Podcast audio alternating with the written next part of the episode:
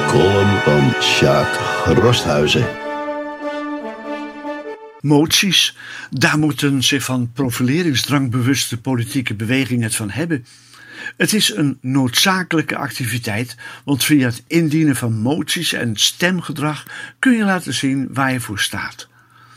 Nu is het tegenwoordig wat ingewikkeld om aan te tonen dat een politieke partij deel uitmaakt van een stroming.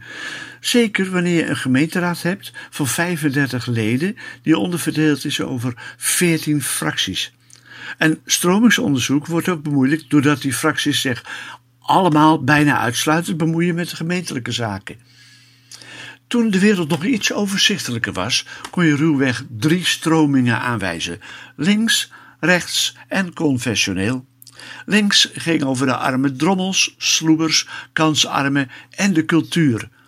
Rechts ontfermde zich over alle verworvenheden van vreemde smettenvrij en over de bescherming van de sterkste schouders. Confessioneel had altijd een beetje de handen vrij wat links en rechts betrof, zolang dat maar paste binnen een te verdedigen goed rentmeesterschap met inachtneming van de mainstream exegese van de Bijbelverhalen. In grote lijnen dan, want zowel toen als nu zal deze interpretatie aangevochten worden. In naam bestaan die stromingen nog wel, maar meestal zijn de fracties van nu een soort samensmelting van diverse stromingen, vaak afhankelijk van de instelling van de personen die op dat moment de kar trekken. Sociaal is een richtingaanduiding en bij sociaal horen moet je dus ook in de keuze voor de moties kunnen nagaan of ze die verwachtingen waarmaken. Nu horen we de lokale VVD-adepten ook wel eens mooie dingen zeggen die zij voor achtergestelde en nooddruftige willen betekenen. En de gemakzuchtige verwachting is dat zij dat in hun motiegedrag niet altijd hoeven waar te maken. De boodschap van christenen in het formuleren van moties die zij nodig achten om de maatschappij te verheffen, die zijn niet altijd letterlijk terug te vinden in hun heilige boeken. Jezus speelde bijvoorbeeld nog geen voetbal. Laten we de moties van de afgelopen week er even bij halen. Allereerst is er de motie waarin men het kabinet dringend verzoekt afdoende financiële steun te verlenen aan gemeenten. Dat kun je niet laten lopen. Tegenstemmen zal vanuit alle veertien Horense invalshoeken niet uit te leggen zijn aan de achterban. De wilde motie onderzoek uh, permanente verruiming horeca en terrassen is een andersoortig onderwerp, maar ook hieraan werd door alle kleuren fracties van harte steun verleend.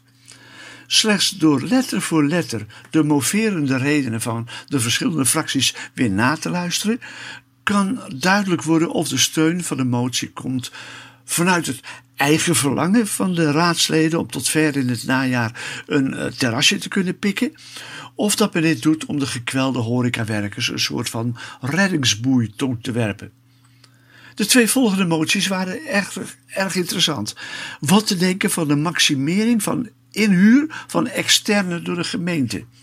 Die extra ingehuurde krachten hanteren tarieven die het normale uurloon van een ambtenaar ver overstijgen. De mate van uurloonoverschrijding zal moeten worden ingeperkt en de gemeente moet die mensen maar in gewone loondienst nemen. 21 van de 31 aanwezige stemgerechtigden waren hier glad voor. Je het vel over de oren laten halen door lieden die hun expertise optimaal te gelden willen brengen, dat ontmoette zelfs bij politieke tegenpolen weerstand. Bij de 21 voorstemmers zaten behalve de leden van de PvdA en Sociaal Horen ook geheide VVD'ers. En daarnaast ook het CDA, DRP, FT en HL. De fracties die meenden dat het nu eenmaal niet anders kan, of dat dit juist een vrij voorbeeld is van ondernemersgeest, waren CU, D66, FTV, FK, GL, HOP, hè? HOP ook, ja, HOP ook, en VOC Horen. De jongeren uit verschillende fracties vinden het een mooi idee om in Horen de jongeren meer te betrekken bij beleidszaken rond bijvoorbeeld de coronacrisis, zoals uh, ook Mark Rutte dat graag ziet gebeuren. Alleen de DRP vindt het maar niks. Zouden bewust naar betere samenleving zoekende adolescenten dan minder vaak de auto nemen? Bovendien werd door andere fracties voorzichtig gepolst of dit echt geld moest gaan kosten. Nou, mijn conclusie is eigenlijk dat fracties in gemeenten allemaal andere denkrichtingen in kunnen stuiteren en er voor de onwetende kiezer geen touw aan vastgeknoopt worden. Mijn tip aan de deelnemende fracties is: er is genoeg reden om het aantal verschillende fracties terug te brengen tot een overzichtelijke hoeveelheid en probeer het aantal samenvoegingen hoger te houden dan het aantal afsplitsingen. Hoewel voor het eindresultaat kan het best zijn dat het helemaal niks uitmaakt.